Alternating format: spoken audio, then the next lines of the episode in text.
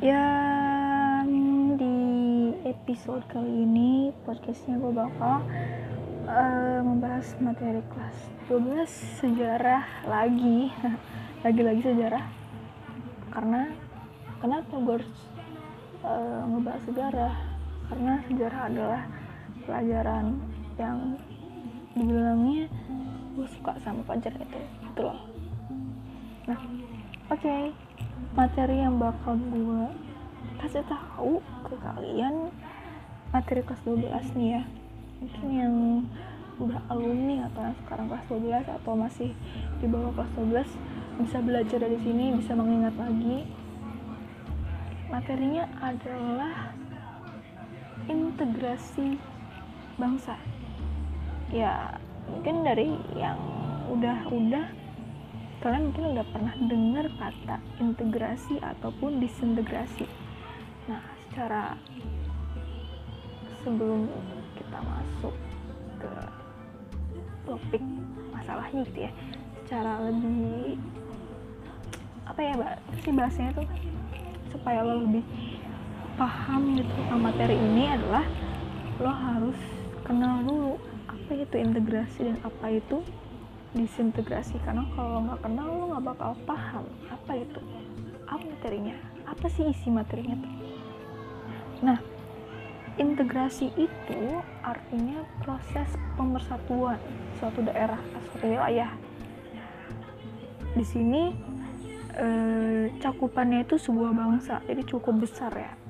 Dan itu integrasinya bener-bener lewat jalur diplomasi jalur militer juga. Karena mempersatukan bangsa itu cukup sulit apalagi waktu zaman dulu kan masih ada antek-antek dari Belanda juga masih Belandanya ada agresi terus Belandanya juga ngelanggar uh, perjanjian-perjanjian ya nggak sih? Dan selain itu juga dari dalam negerinya sendiri pun sudah ada rongrongan kayak apa ya pengen memisahkan diri separatis gitu. Terus uh, ada yang pengen merubah. Wah pokoknya ribet lah. Dan yang namanya perpecahan itu adalah sesuatu yang ditakutkan. Lo bayangin lo punya geng yang solid banget. Lo menyulitkannya mengkompakkannya itu susah kan? Tiba-tiba ada satu orang yang hianat pengen mecahin kekompakan kesolidar apa sih? Kesolidar kos okay. kesolidaritasan ah kesolidaritasan sama kelompok lo itu tiba-tiba ada yang mau pecahin tuh kesel banget gak sih? Perjuangan lo berasa sia-sia. Nah sama. Sebelum apa ya sebelum Indonesia merdeka pun sudah ada yang hmm, apa ya berusaha memberontak gitu. Terus setelah merdeka pun mereka mulai berani itu ngeberontak. Mulai pengen memisahkan diri dari Indonesia. Nah yang uh, pos, proses perpecahan ini itu lawan dari integrasi tadi yaitu namanya disintegrasi. Jadi uh, lo udah kenal ya siapa sih si integrasi itu dan siapa disintegrasi? Terus kalau ada yang nanya integrasi apa sih bro? Integrasi itu proses pemersatuan intinya gitu. Terus kalau disintegrasi ya kebalikan dari integrasi. Gitu bro. Nah dulu tuh uh, masalah yang dihadapi Indonesia itu sangat-sangat berat banget. Abis baru aja merdeka udah kayak layer lo masalah hirup teh kayak gitulah ya. Kayak kayak lo merdeka tapi belum seutuhnya merdeka karena masih ada rongrongan dari dalam negeri. Bahkan musuhnya tuh jadi kayak musuh dalam selimut. Kayak pengkhianat-pengkhianat kayak gitu. Nah usaha-usaha beberapa kelompok yang ingin pecah dari Indonesia yang intisai itu atau apa ya dibilangnya? Kayak yang membuat potensi untuk disintegrasi gitu loh.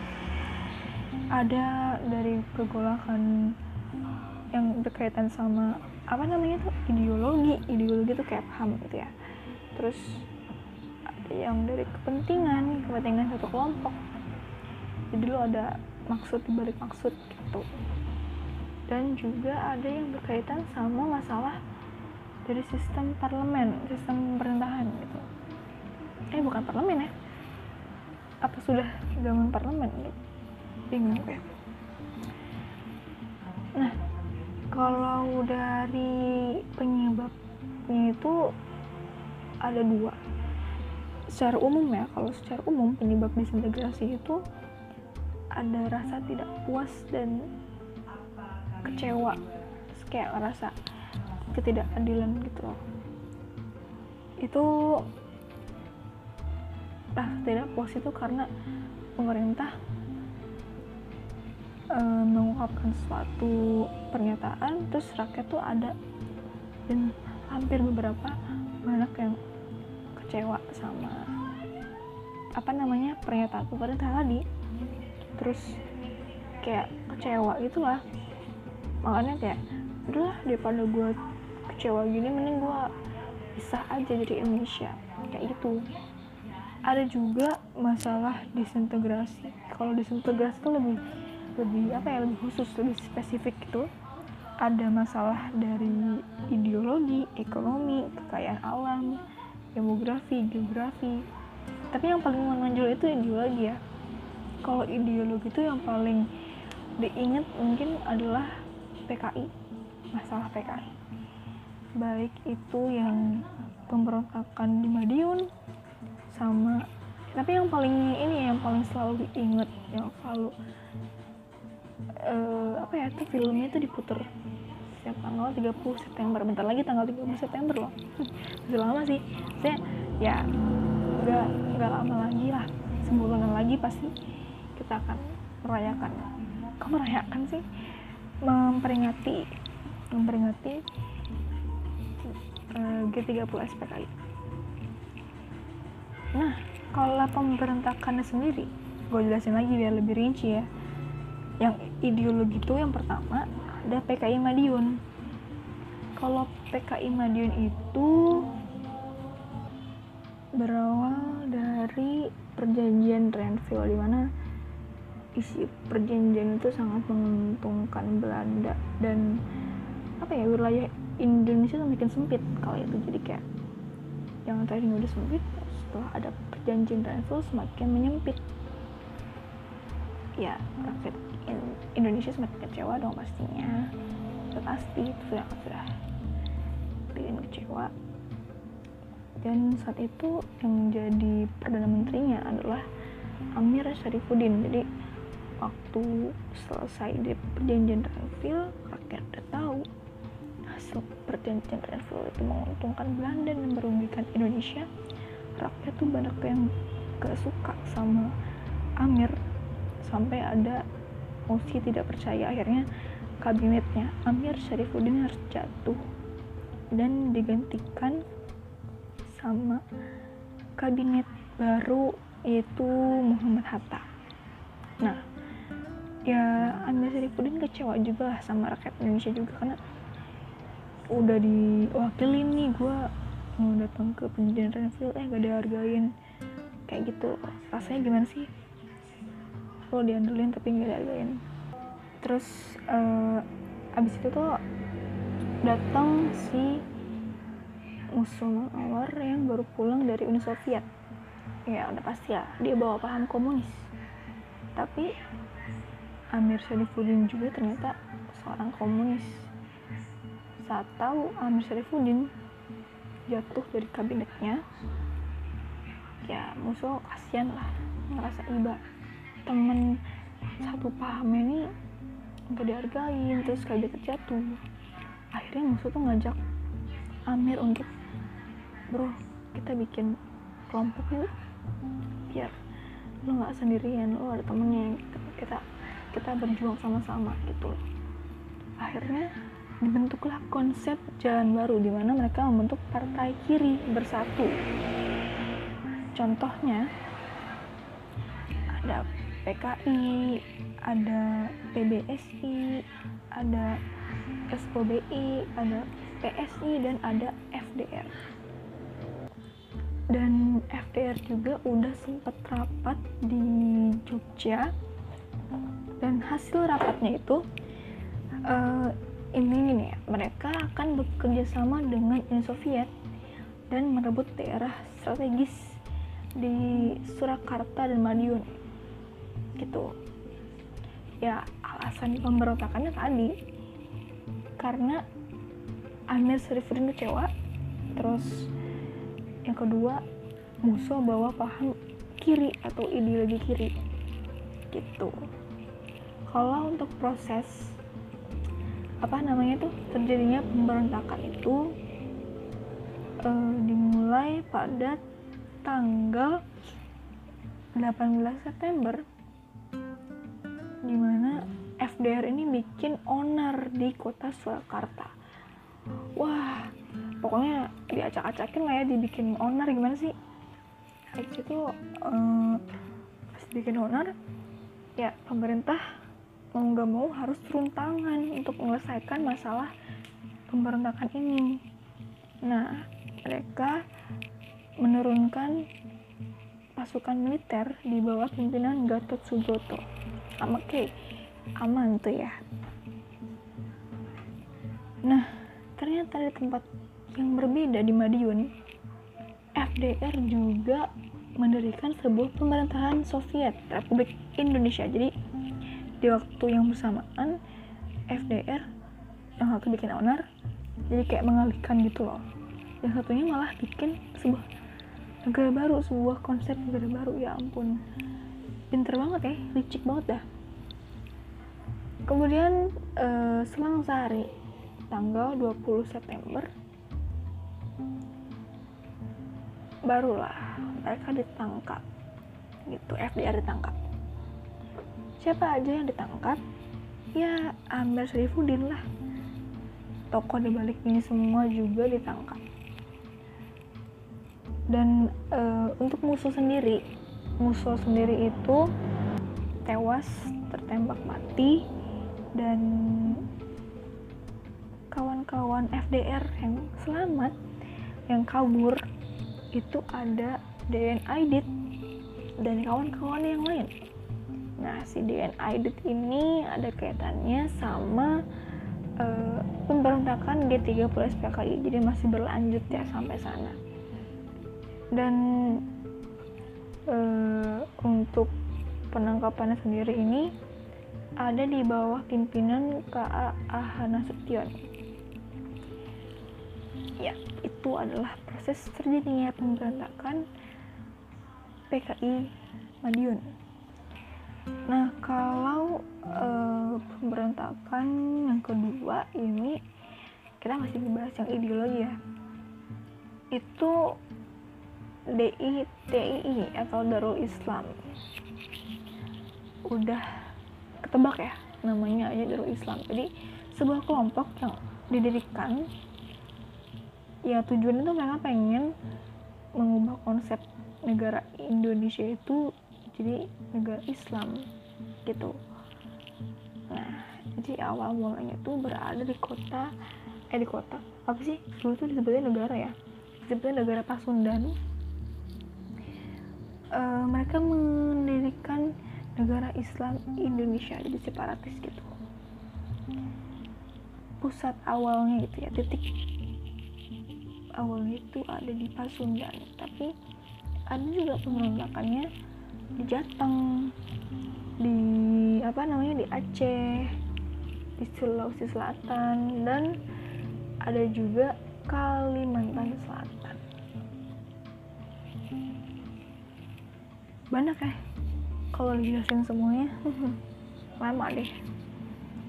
Lanjut yang ketiga ada pemberontakan G30 SPKI ya ya ada kaitannya sama yang tadi ya sampai kayak Madiun kemudian eh, pemberontakan yang berdasar kepentingan suatu kelompok. Kelompok siapa sih? Ya kelompoknya itu yang pertama ada APRA ada RMS ada Andi Aziz. Ini tuh sebenarnya kelompok-kelompok masalah militer gitu loh. Jadi ada kelompok KPN militer eh, TNI gitu ya masuk TNI cuman dipersulit sama pemerintah karena harus ikut tes. Padahal mereka itu tadinya um, apa ya dibilangnya membantu Indonesia untuk melawan penjajah membantu Indonesia untuk mempertahankan kemerdekaan mempertahankan Indonesia gitu loh. Aku mempertahankan kemerdekaan. Ya bener ya mempertahankan kemerdekaan sama memperjuangkan kemerdekaan. Uh, tapi ya dipersulit jadinya kayak kesel. Gue udah berjuang bantu bantuin lo merdeka eh lo malah nggak ngargain gue bentar gimana sih? Udah kita berontak aja gitu. minta keadilan gitu ya. Dan yang ketiga ini ada masalah sistem pemerintahan. Jadi uh, ada beberapa kelompok yang nggak setuju sama sistem pemerintahan Indonesia yang yang berubah-ubah gitu. Dan mereka tuh pengen kelompok ini tuh pengen gila Indonesia jadi negara federal lagi aja jadi negara serikat aja. Itu jadi perpecahan kan itu maksudnya. Sebenarnya kalau kamu dibilang kita udah bebas dari ancaman disintegrasi atau belum sebenarnya masih bisa dikatakan ada. Karena ya contohnya banyak sih. Kalau itu ya kita harus apa ya mempertahankan persatuan. Jangan sampai pecah.